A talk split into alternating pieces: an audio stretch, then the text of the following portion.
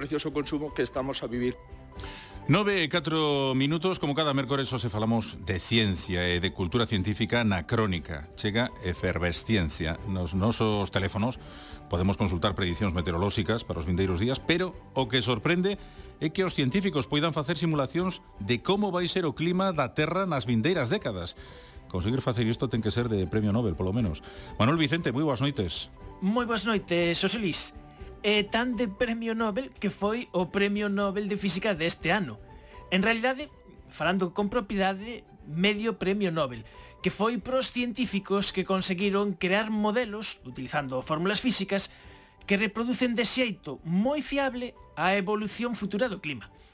E mira, as leis que aplican son as mesmas leis que os modelos que se utilizan para predicir o tempo, pero A cousa é que o tempo meteorolóxico é moi caótico e malia o que digan as aplicacións dos nosos móviles, as predicións son boas como moito con tres días de adianto.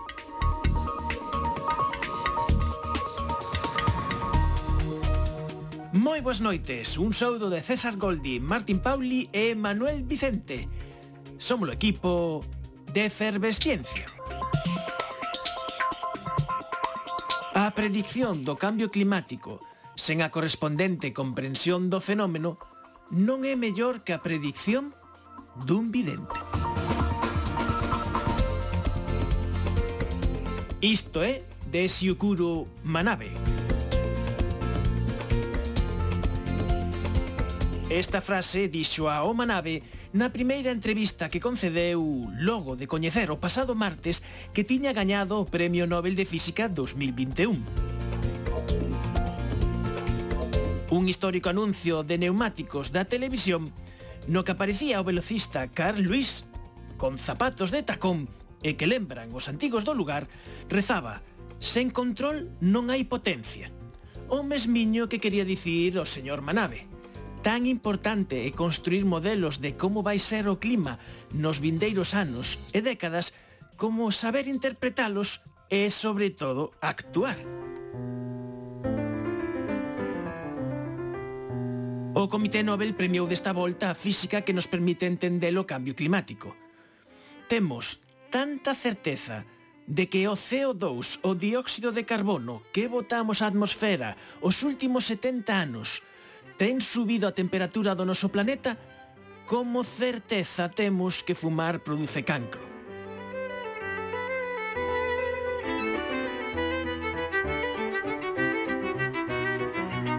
Se non actuamos con contundencia contra o cambio global, non será porque non saibamos onde nos estamos a meter como planeta. Benvidos a Efervesciencia, hai outros mundos, pero están neste. Efervesciencia. Doses de ciencias en contraindicacións. Patrocinado pola FECIT, Fundación Española para a Ciencia e a Tecnoloxía, Ministerio de Ciencia e Innovación, unha colaboración da Universidade de Santiago e a Radio Galega. Co apoio da Xencia Galega de Innovación da Xunta de Galicia. Os virus, abelos, ainos. É o nome da sección que temos co noso virólogo de cabeceira, César Muñoz Fontela, Moi boas noites, César. Hola, boas noites, Manuel, que tal? Like a virus needs a body as of... César Muñoz Fontella aténdenos desde Alemanha onde traballa actualmente asesorando a OMS en esta pandemia do, da COVID. Unha pandemia que podemos dicir que en Galicia e en España temos a sorte de ter acceso ás vacinas, que en Galicia podemos presumir que temos posto a vacina a maior parte da, da poboación eh, susceptible de, de poñela, e isto é importante, hai países que van moito máis atrás eh, tendo disposición de vacinas moito antes que a nós, pero César, ti que coñeces ben a, a situación, como sigue esta vacinación no resto do mundo, nos países eh, do sur, especialmente en África? Pois sí, eh, temos todavía estas, estas diferencias moi importantes entre países que que poden pues, que, que poden comprar vacinas e países que non eh, hai, hai un, un par de días que estivemos nunha conferencia da OMS e eh, eh, comentábase que, por exemplo, a, a Unión Europea eh, comprou cinco veces máis máis vacinas que, que, a, que a poboación, Estados Unidos seis, ten seis, seis vacinas por cada habitante, Canadá sete, ¿no? Ainda estamos con esta, con esta idea da terceira dosis, eh, cando hai moitos países que non chegan ao 10% no, de, de, da poboación porque sim, simplemente non ten acceso. entonces mentres ten, tengamos estas, estas diferencias eh, pois habrá novas variantes e eh, estaremos todos en, todos en perigo, ¿no? A opción máis xusta, pero tamén máis intelixente é eh, transferir estas vacinas, axudar con medios para que se poidan poñer nestes países. Está aí o mecanismo COVAX, pero o mellor non é suficiente eh, para a tarefa que lle compre facer. No, claro, mira, hoxe, hoxe mesmamente vi un, una, una nova no periódico acerca de, de Covax que se, que se titulaba O fracaso de Covax ou, ou algo así, non?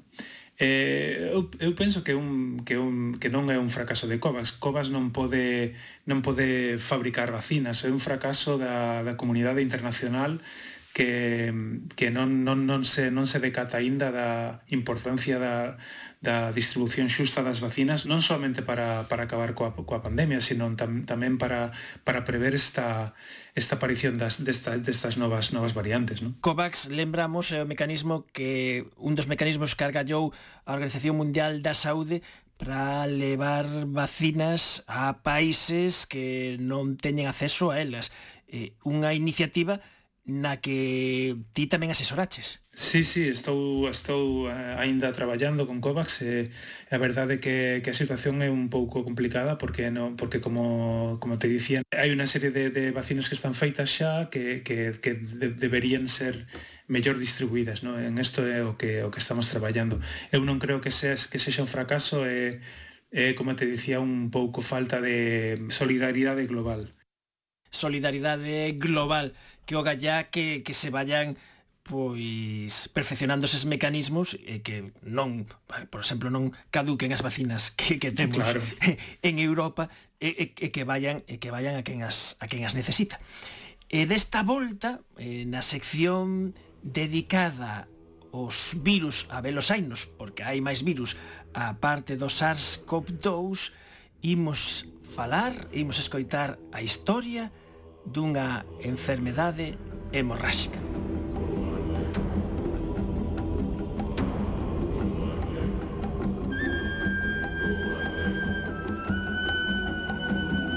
Comezamos hoxe a nosa historia no século XVII, en pleno apoxeo do que se coñecía como o comercio atlántico de escravos, que se encargaba de capturar e transportar escravos dende as costas de África Occidental ata América. Moitos deses escravos eran prisioneiros das guerras étnicas que se desenvolvían nestes tempos en Nixeria. Os seus captadores vendíanos aos comerciantes de escravos que os levaban por terra desde Nixeria aos portos de saída cara ao Atlántico, como Sierra Leona e Guinea-Bissau. Sen sospeitalo, nestes roteiros viaxaban non só os escravos, senón tamén un tipo moi concreto de rata chamada Mastomis natalensis.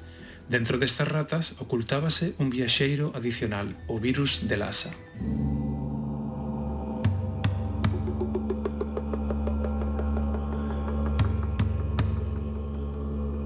En 1929 chega a Garquida, un pobo do norte de Nixeria, un médico novo e misioneiro americano chamado R.L. Robertson. O seu obxectivo, fundar unha leprosería para tratar os doentes de lepra e xa de paso bautizalos. Aínda que consegue poñer as bases da misión, non ten tempo de gozar do éxito porque morre en 1931 da nosa bella coñecida en historias de virus a fita amarela.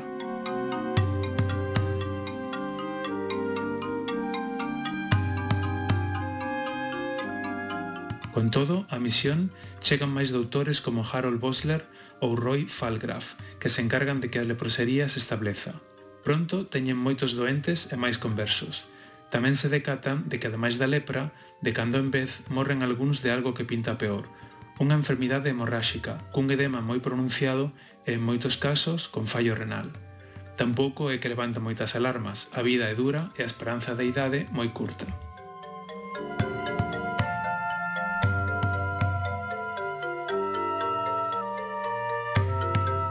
1964, a leprosería de Garquida vive unha segunda mocidade. Os peregrinos e os enfermos seguen chegando en busca de cura e fe. É entón cando chega a Garquida Laura Wine, unha enfermeira de Chicago de 65 anos que busca no seu retiro axudar a traer nenos ao mundo en África. A xiña se converte na matrona xefe e atende persoalmente todos os partos no Hospital Misioneiro da cidade veciña, Lhasa.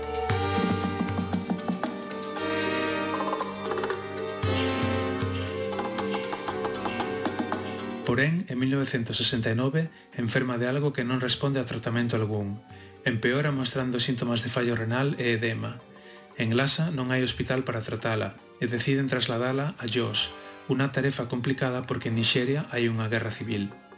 Ao día seguinte de chegar a Jos, Laura Wine morre. As dúas enfermeiras que a acompañaban a súa viaxe a Jos, Penny Pineo e Charlotte Shaw, tamén caen enfermas. Charlotte Shaw morre sete días máis tarde.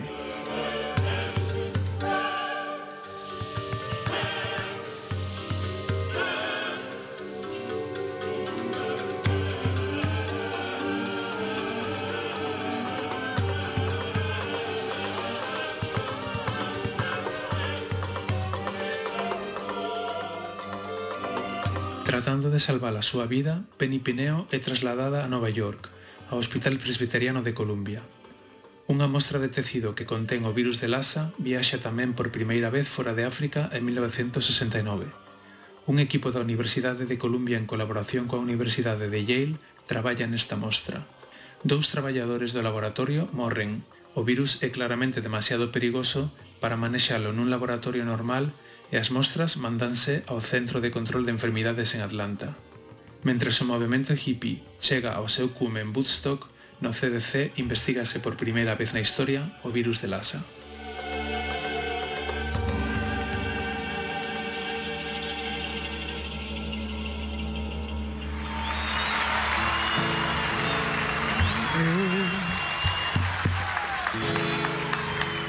Oh, happy day.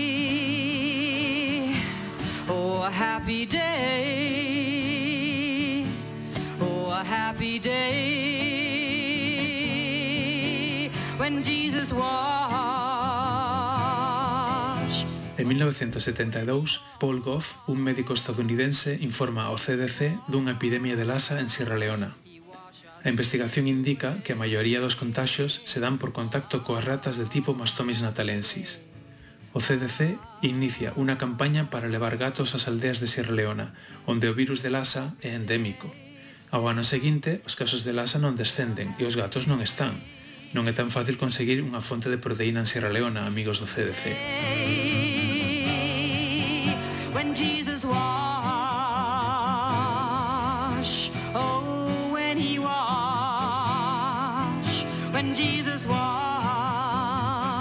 Durante moitos anos, o CDC lidera a investigación en febre de lasa en Sierra Leona. En 1996, teñen que abandonar o país co estalido da guerra polos diamantes de sangue. Non volverán ata unha década despois, dez anos de investigación perdidos.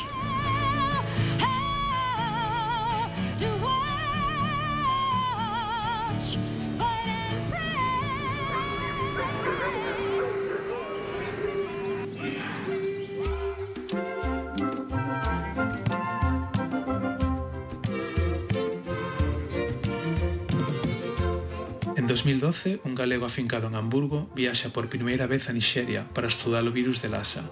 É a miña primeira vez nunha epidemia de fiebre hemorráxica e non vai ser a última. En Nixeria, o virus de Lassa causa 300.000 casos ao ano e máis de 5.000 mortes. Cada ano, na época da seca, as ratas entran nas casas en busca de comida, iniciando así epidemias. meu destino é o Centro de Referencia Nacional de Febre de Lasa en Nirrúa, no estado de Edo.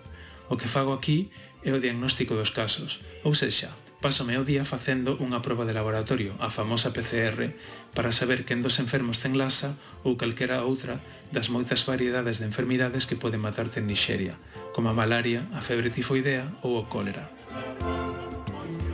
Tamén visito os enfermos todos os días coa idea de aprender máis desta enfermidade da que se sabe tan pouco, ou de dar algo de apoio ou non sei moi ben para que. No meu iPod só a Fela Cuti para ambientar.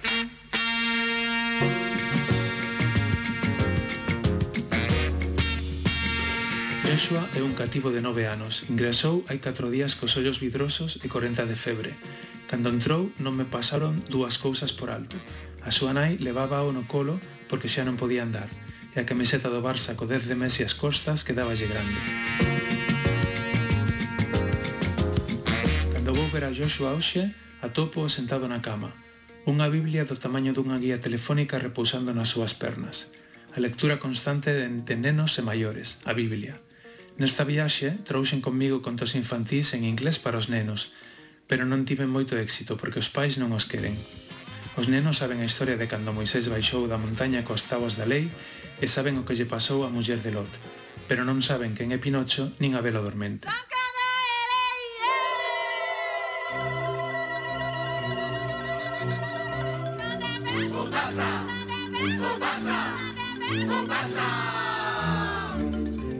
Se hai unha semana tivese que apostar no combate Lasa-Joshua, faríao en contra do neno, pero de alguna maneira, con ou sen intervención das personaxes do libro de cabeceira de Joshua, o cativo recuperouse. Os milagres ocorren, desde logo, a súa recuperación non se debe á medicina que non temos e que en calquer caso os pais de Joshua non poden pagar. Tampouco se debe a vacina que non existe porque non hai farmacéutica que invista nela. Sexa o que sexa, Cando Joshua me ve a chegarme á súa cama, abre os ollos como pratos e o escudo do Barça menease. Ollivo, dime, boteite de menos. Bravo Joshua, pensou eu, es un sobrevivente.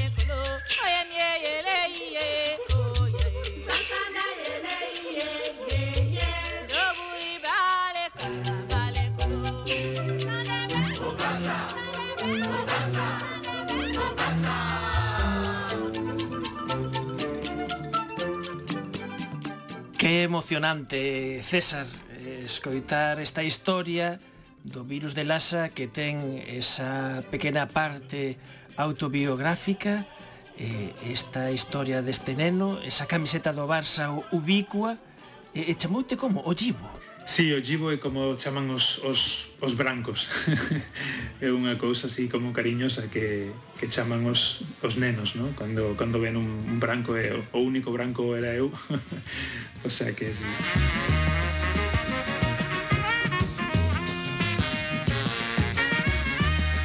Esta foi a historia do virus de Lassa en boca de César Muñoz Fontella, unha historia que que nos conta o que se coñece ata agora desta enfermedade e esta experiencia persoal dese novo virólogo que por primeira vez estivo en contacto con esta eh, fiebre hemorrásica. César, unha aperta moi grande de Galicia aí a Hamburgo. Unha aperta a todos e ata a próxima.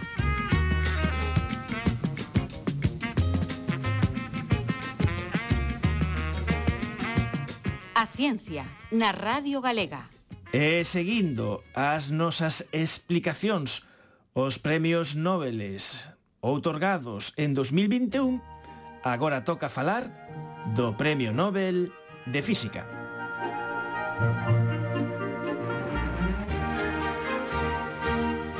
The Royal Swedish Academy of Sciences. A Academia Sueca de Ciencias vende decidir hoxe outorgar o Premio Nobel 2021 de Física polas súas innovadoras contribucións á comprensión dos sistemas físicos complexos. Unha metade do premio corresponde conxuntamente a Shukuro Manabe e Klaus Hasselmann pola modelización física do clima da Terra, a cuantificación da variabilidade e predición fiable do quecemento global.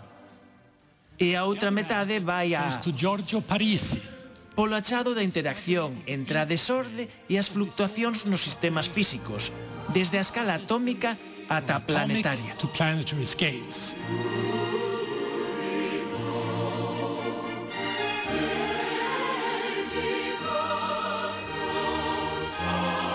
Premio Nobel de Física que caeu pros sistemas complexos para Sikuro Manabe, Klaus Hasselmann e Giorgio Parisi. Sin embargo, como aconteceu noutras ocasións, realmente engloban nun mesmo premio Nobel cousas que son bastante diferentes. Juan Antonio Añel, moi boas noites. Moi boas noites.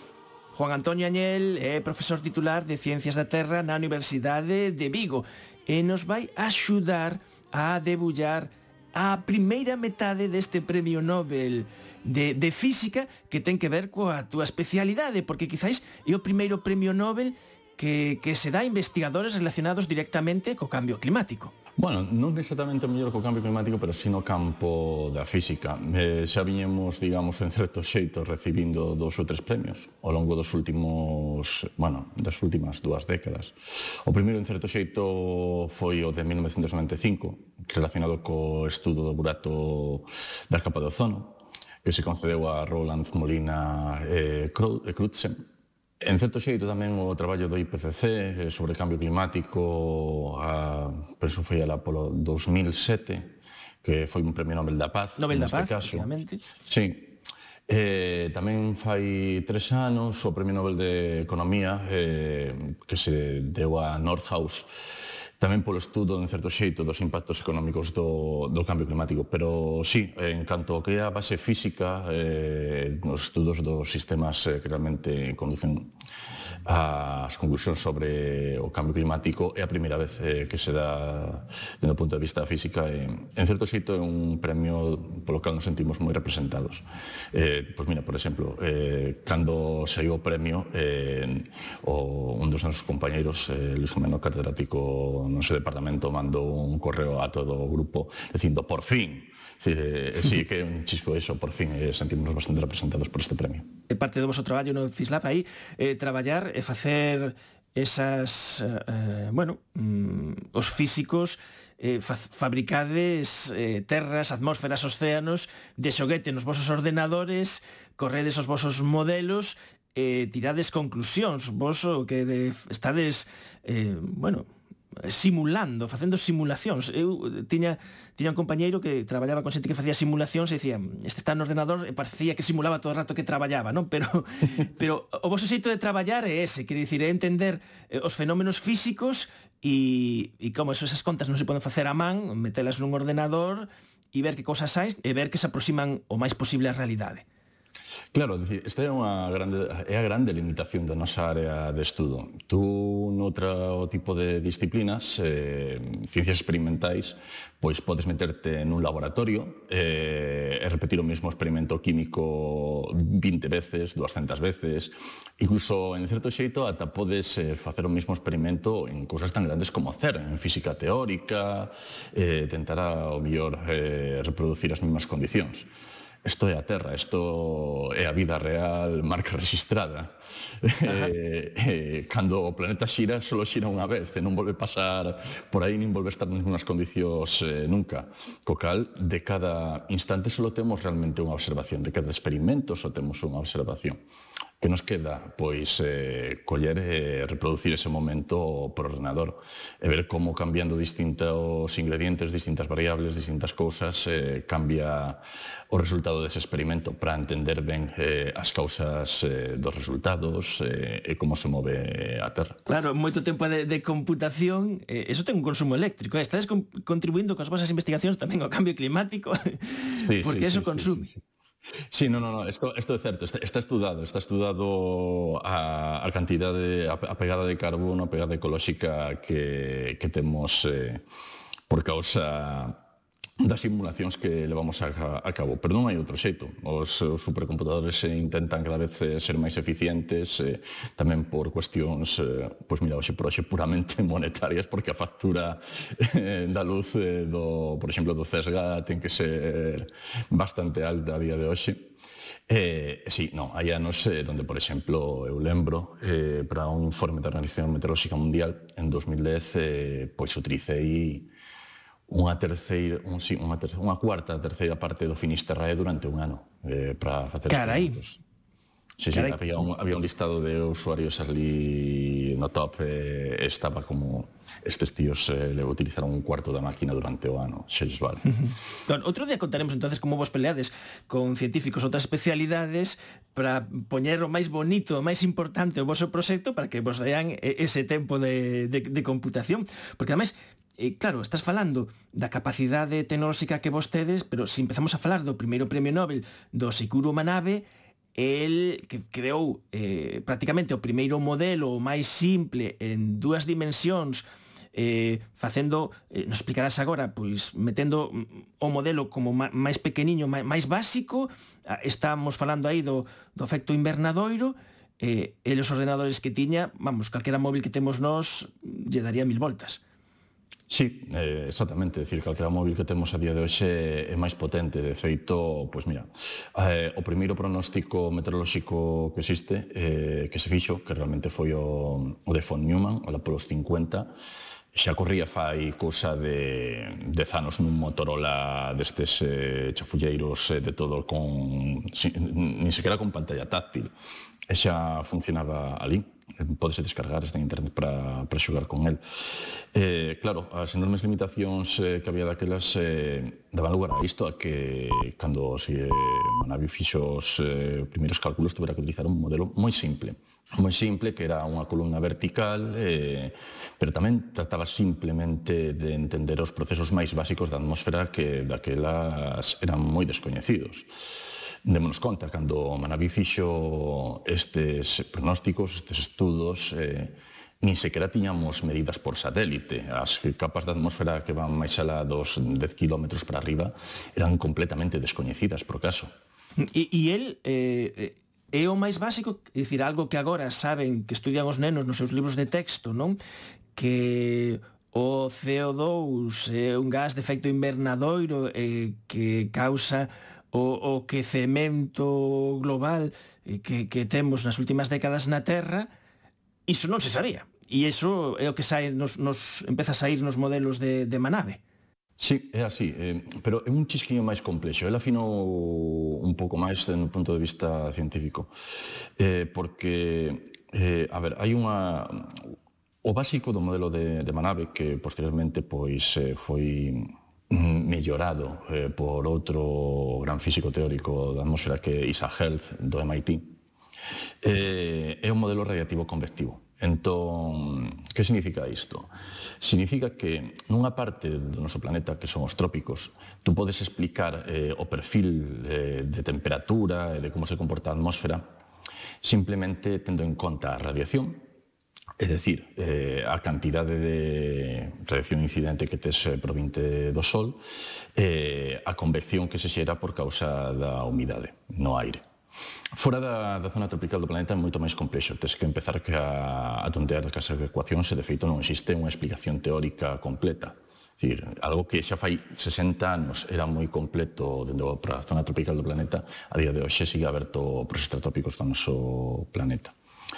Claro, Manabe eh, non só fixo iso, senón que fixo varios experimentos e demostrou que nas capas altas da atmósfera eh, se debería eh, producir un enfriamento eh, das mesmas, na estratosfera, concretamente.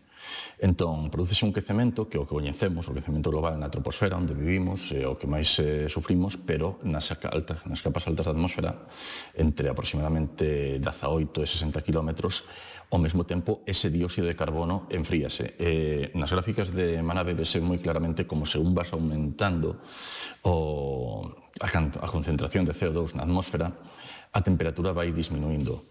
Ollo, isto non é nada, nada trivial. Démonos conta do seguinte. Eh, el eh, fixo unha predición teórica basada nun modelo a la pola década dos 60 a primeira, digamos, evidencia empírica eh, de contracción desa capa eh, do seu enfriamento veu aproximadamente fai des anos eh, nun artigo que publicamos eh, nos mesmos eh, fai cinco meses en maio eh, sobre demostrando a contracción da, Anda. da primeira, por primeira vez da, da estratosfera.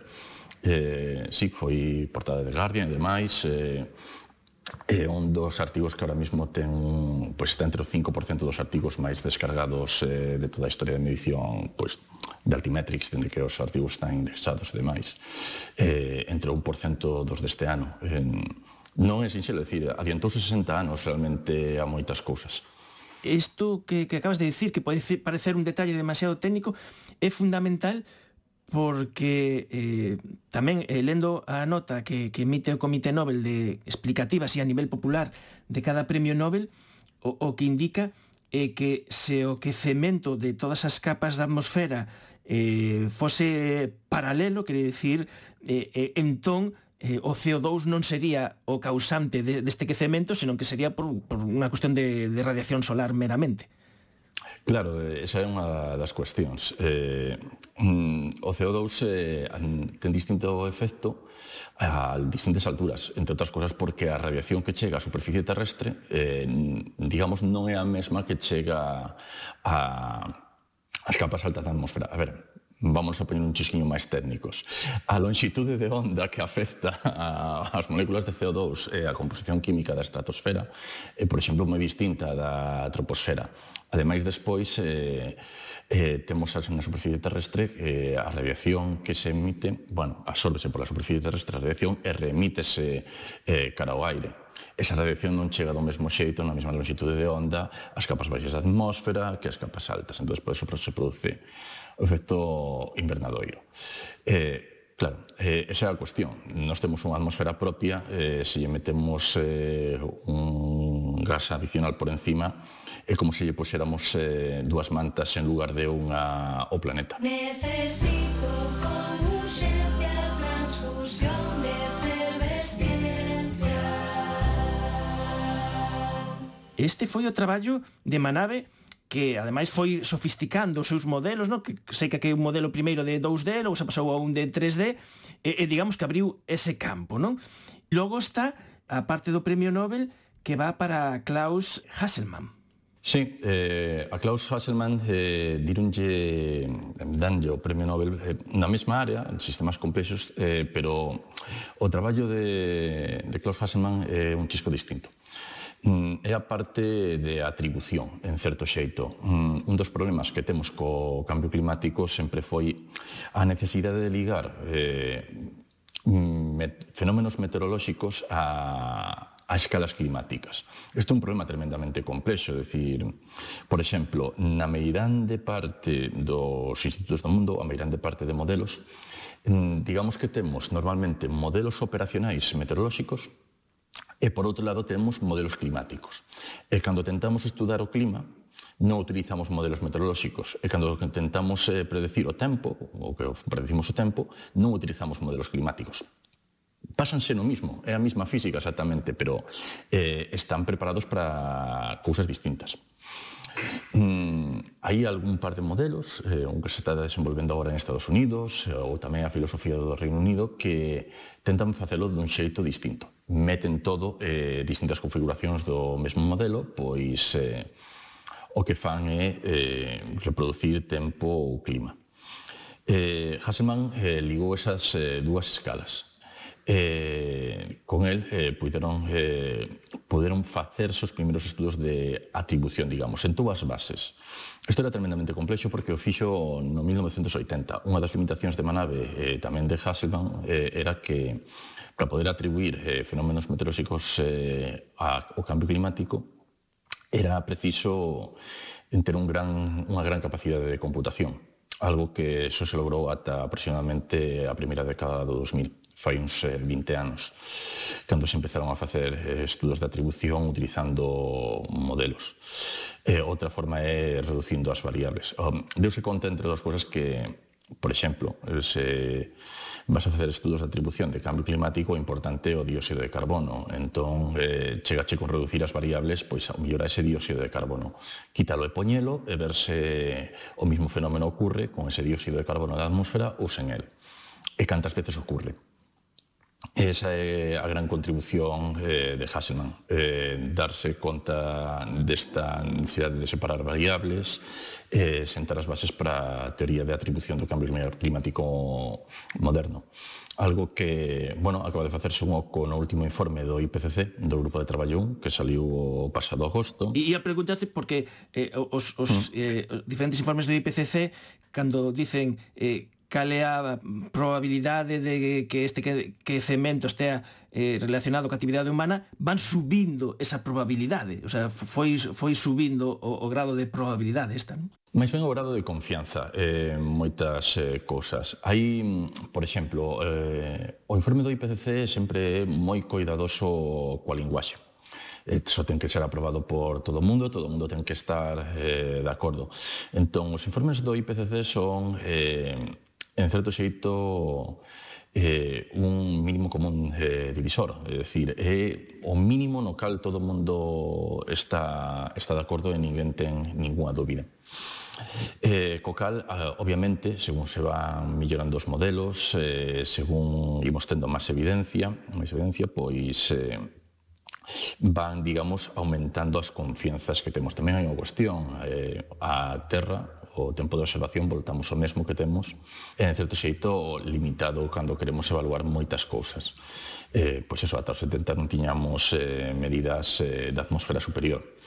Entón, claro, eh, según van pasando os anos entre informes, imos tendo como 5 ou 10 anos máis de observacións. Eso alonga as eh, series que temos e permítenos eh, comparar con máis eh, fiabilidade co cal aumenta a confianza e os autores poden máis aló da súa do que digamos como expertos saben de todo o que está publicado e máis aló tamén eh, da súa propia experiencia ou intuición afirmar que, con toda seriedade eh, algo con moita máis confianza. Ibas falar do último IPCC, cando, cando te fixen esta digresión. Mm. Eh, eso, nada, que no, parte do traballo de Hasselman está moi ben recollido mellor en certo xeito como resultado no último informe do IPCC.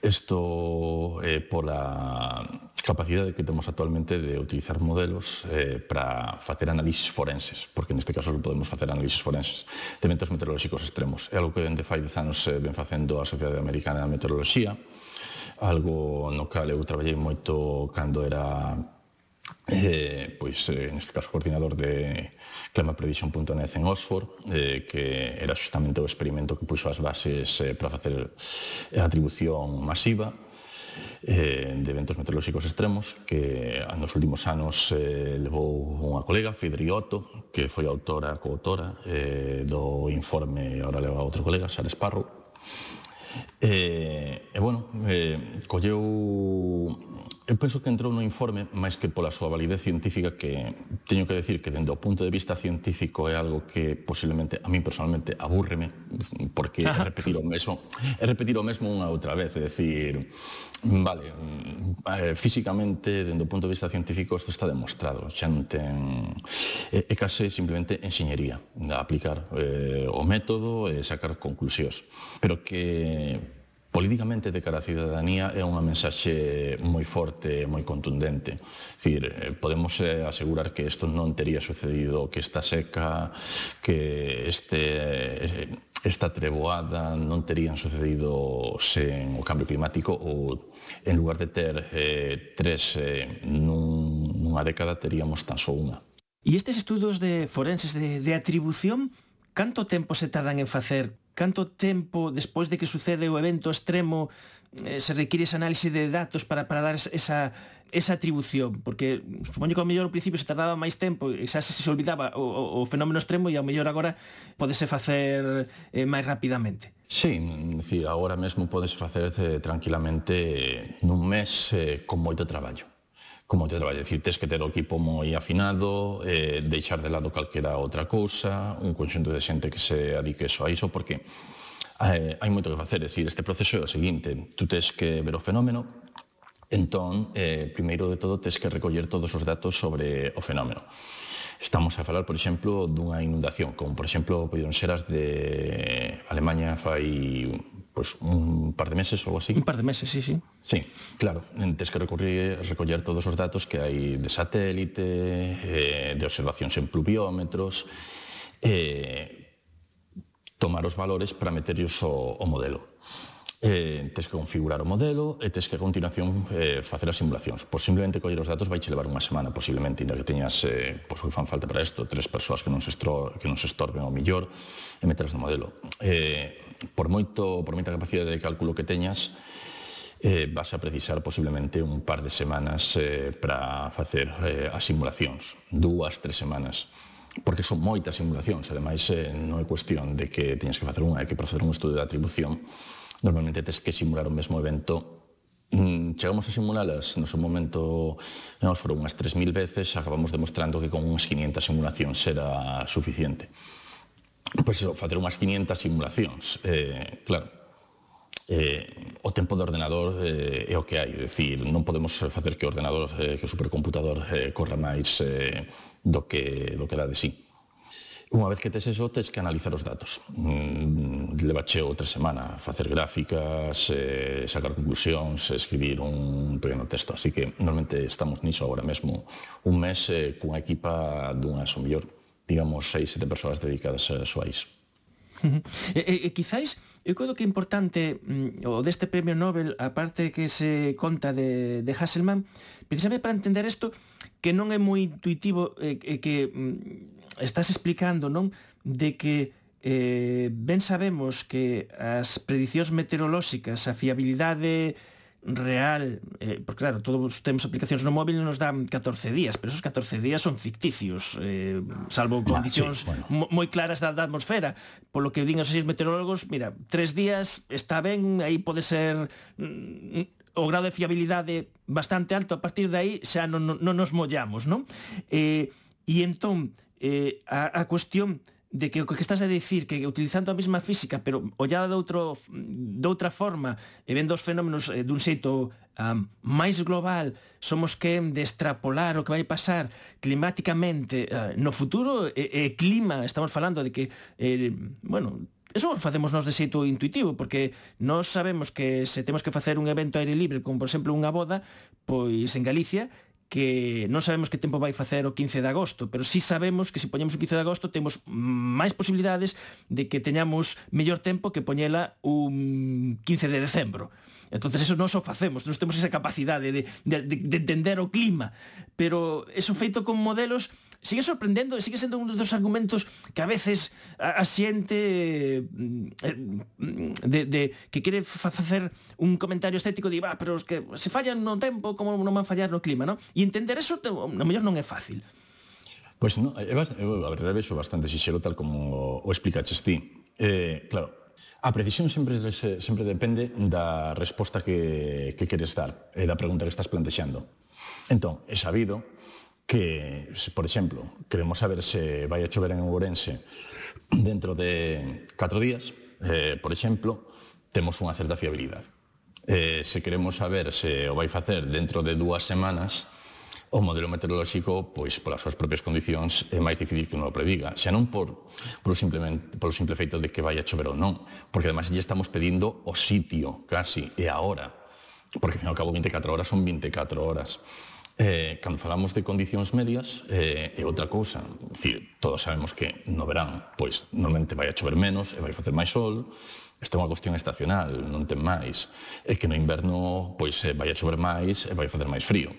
Isto é unha cuestión de física pura e básica porque o planeta xira como xira está onde está e, e xa está.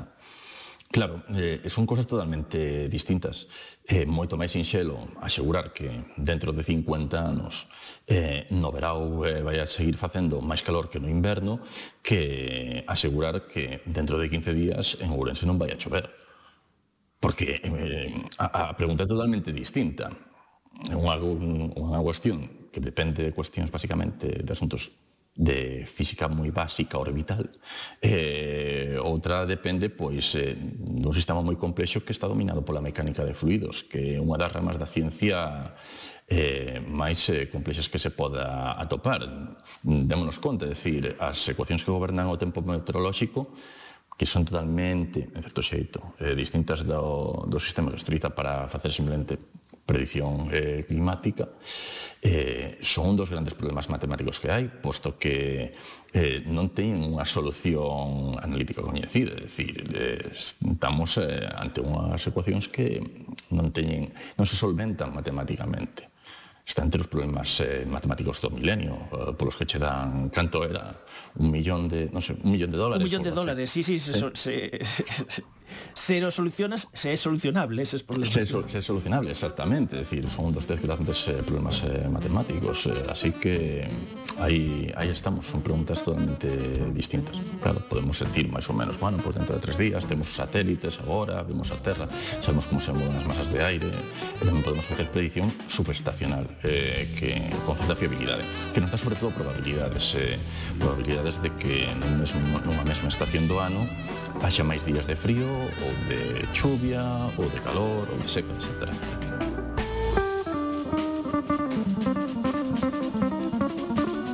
Pois, Juan Antonio Ayel, moitísimas grazas por debullarnos eh, esta mitade do Premio Nobel de Física que recaeu en Sakuro Manabe e Klaus Hasselmann polas súas contribucións ao coñecemento do clima da Terra e como eh, a humanidade ten influencia sobre el, todo relacionado cos sistemas complexos, que será tamén a outra metade do, do Premio Nobel, e tamén, mira, pois aproveitamos parabéns entón por, por ese paper dese de adelgazamento aí da atmosfera en capas aí superiores, esa, ese cambio de temperatura e moitísimas grazas por contárnoslo en Efervesciencia. Nada, a vos eh, cando que ya deixes sabedes. Necesito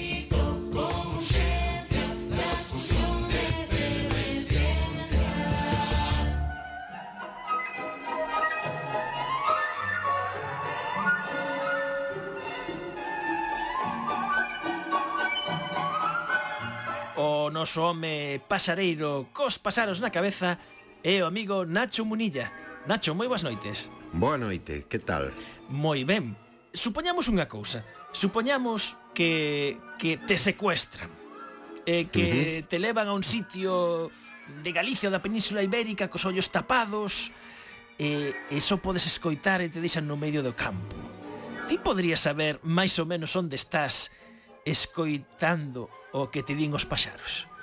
Depende, pero seguramente seguramente podo ter unha idea da paisaxe, igual se non sei a, a, o sitio onde estou e a localización xeográfica, sí que vou ter, vou ter unha idea bastante boa de como son os arredores do lugar no que estou como é a paisaxe. E despois, se teño sorte, se escoito algunha ave de distribución así restringida, pois podo, podo dar bastante ben co sitio, así que coidados e cos. Este era un caso práctico de que pasa coas paisaxes sonoras. Eh, coas paisaxes sonoras, aí os pasaros xogan un papel eh, fundamental. E, e non sei se no mundo pasareiro eh, vides comentando de que eh, as paisaxes sonoras xa non son o que eran e dices, bueno, nos nosos tempos parece ser eh, escoitábamos moito máis. E, ese é un comentario habitual igual non tanto no que é a paisaxe en, en conxunto, sabes? Que igual esa percepción é máis, é máis, o sea, non é tan inmediata, pero o de botar en falta algún instrumento, por decir así, ¿no? algún componente desa de paisaxe sonora, eso constantemente, constantemente, o sea, de, por exemplo, a, a la verca, non? Decir, oh, sa, sair ao monte, escoitar a la verca, pois pois xa non é tan tan doado, non? Digo a la verca porque é un é un paxaro que alegra moito o día, non? Isto que o mellor conversades vos entre os pasareiros e decides que botades en falta ese instrumento nesa pasaxe sonora, houve uns investigadores, eh, eh, entre eles un par de investigadores eh, españois, que se dedicaron a analizar exhaustivamente eh, pasaxes sonoras para ver realmente o que pasaba. Sí, sí, eh, super exhaustivamente.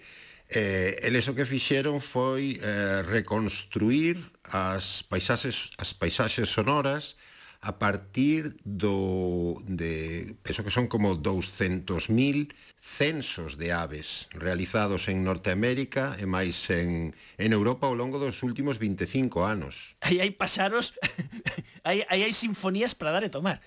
Aí hai, aí so, aparte que son son eles gravaron, claro, no, no período do ano no que os paxaros máis cantan, no? Que no nos meses de fin de primavera e principio do verán, maio e, e xuño, fin da primavera. En este traballo de paisaxes sonoras paxareiras que saiu publicado recentemente eh, nunha das revistas importantes en Nature Communications, botan man da ciencia cidadá para alimentar as súas bases de datos. Pois sí, porque estes censos, estes censos son realizados por, bueno, por profesionais tamén, pero sobre todo por xente xente amante da, das aves e que teñen, bueno, certos coñecementos, coñecen os cantos e son capaces de, de aplicar as técnicas de censo.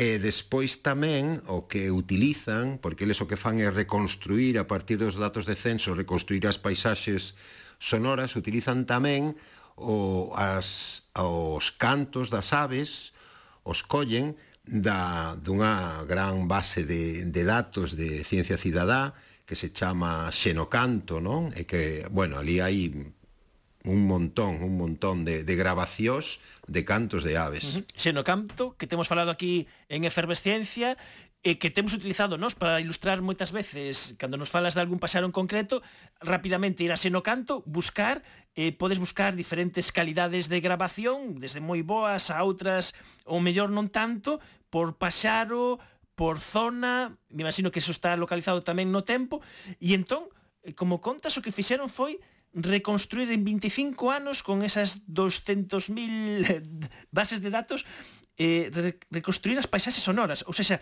que realmente eh, eles reconstruían as sinfonías completas. Sí, eles, eh, bueno, pois eh, aí en, explican o, o protocolo que siguen, pero que fan é, por decir, eh, traducir eses datos de censos, eses números de esa lista de especies con número de individuos de cada especie, traducir eso a como sonaría, como, como sería a, esa orquesta, ¿no? ese conxunto de paxaros cantando, non? tal e como os paxaros adoitan cantar. Non? E despois eh, dunha vez que o teñen mm, pasado a, a, a paisaxe sonora, pois despois eles analizan eses sonogramas de cada, de cada censo con, cunha serie de, de índices e van vendo como, como cambian ao longo do tempo. E chegan á conclusión de que do que falábamos ao principio, de que as paisaxes sonoras xa non son o que eran. Exactamente, exactamente. O sea, a tendencia de que, de que cada vez hai menor cantidade de paxaros e menor uh, diversidade de especies de aves, bueno, eso é unha tendencia coñecida. Entón, eles ven, e isto como, como, como é que se traduce no, nas paisaxes, no que escoitamos, non? Cando, cando estamos na natureza. Pois eles o que ven é que isto tradúcese nunha diminución da diversidade acústica, o que escoitamos cada vez é menos diverso, e despois tamén na intensidade, o sea, cada vez o, o sinal que nos ven da, da natureza, neste caso dos seus representantes emplumados, pois cada vez é menos intensa, porque hai menos músicos, por decir así, non? E, e para eles, o final deste estudo que é moi minucioso, con moita estatística, porque senón, obviamente, non podes publicar nunha revista destas, que te xixe que, que o traballes moito e moi detalloso. Moito, moito. O, o final, que conclusión sacan? Penso que está moi ben, porque eles o, o que din é que hai como un empobrecemento da nosa experiencia acústica, non? ou haber menos aves cantando en po temos unha experiencia máis máis pobre da natureza e menos intensa e iso que fai eh, pois ten repercusións tanto na, no noso benestar, tanto na, na saúde humana, no? eso está, está bueno, comprobado, e aparte o que fai é como, como afastarnos da natureza, no? Eso, eso digamos que os cantos das aves serían unha das vías unha das vías Mm, máis, máis fortes que temos de conexión coa natureza e esa, esa vía, esa conexión cada vez é máis débil porque cada vez hai menos menos músicos, non? Que estamos aí a falar deles. En, mentres tanto, eh, anda aí atarefado en levar o prelo a vosa terceira guía definitiva porque xa falamos aquí en Efervesciencia da guía definitiva dos paxaros, a guía definitiva dos peixes, E agora vos metedes polo mundo da herpetoloxía, que é unha palabra fermosísima, pero que pouca xente sabe o que significa. É a ciencia que reúne a, bueno, que estudia o conxunto de, de anfibios e, e reptiles. Anfibios e reptiles. Penso que é unha palabra, bueno, penso non, é unha palabra grega que significa máis ou menos os, os que andan coa barriga a rentes do chan. Os que andan coa barriga a rentes do chan en Nadal poderemos ver esa terceira guía definitiva? Sí, estamos aquí a, a toda máquina, eu coido que sí, coido que sí. Pois isto é como cando levas o coche o, o taller e o técnico xa dándolle xa de, de oído, xa sabe o que ten. Pois no mundo da natureza e dos paxaros e tamén aquí dos, dos bichos que se arrastran polo chan, tamén sirve para coñecer. Eh, Nacho Munilla, moitas grazas por traernos estas paisaxes sonoras que o mellor temos que estar máis atentos para poder valoralas ben. Moi ben, pois moitas gracias a ti tamén. Efervesciencia. Patrocinado pola FECIT, Fundación Española para a Ciencia e a Tecnoloxía, Ministerio de Ciencia e Innovación, unha colaboración da Universidade de Santiago e a Radio Galega. Co apoio da Xencia Galega de Innovación da Xunta de Galicia. Se queres ver como facemos unha efervesciencia, estás convidado este venres ás 11 da mañá na Facultade de Ciencias da Universidade de Vigo, no Salón de Actos, o especial San Alberto Magno que habemos gravar ese día. Escoitámonos dentro dunha semana. Adeus. Tiene fiebre, necesita medicina y un poquito de amor que le cure la penita que tiene. Ah, ah. La tierra tiene fiebre, tiembla, llora, se duele del dolor más doloroso. Y es que piensa que ya no la quieren. La tierra tiene fiebre, tiembla, llora, se duele del dolor más doloroso. Y es que piensa que ya no la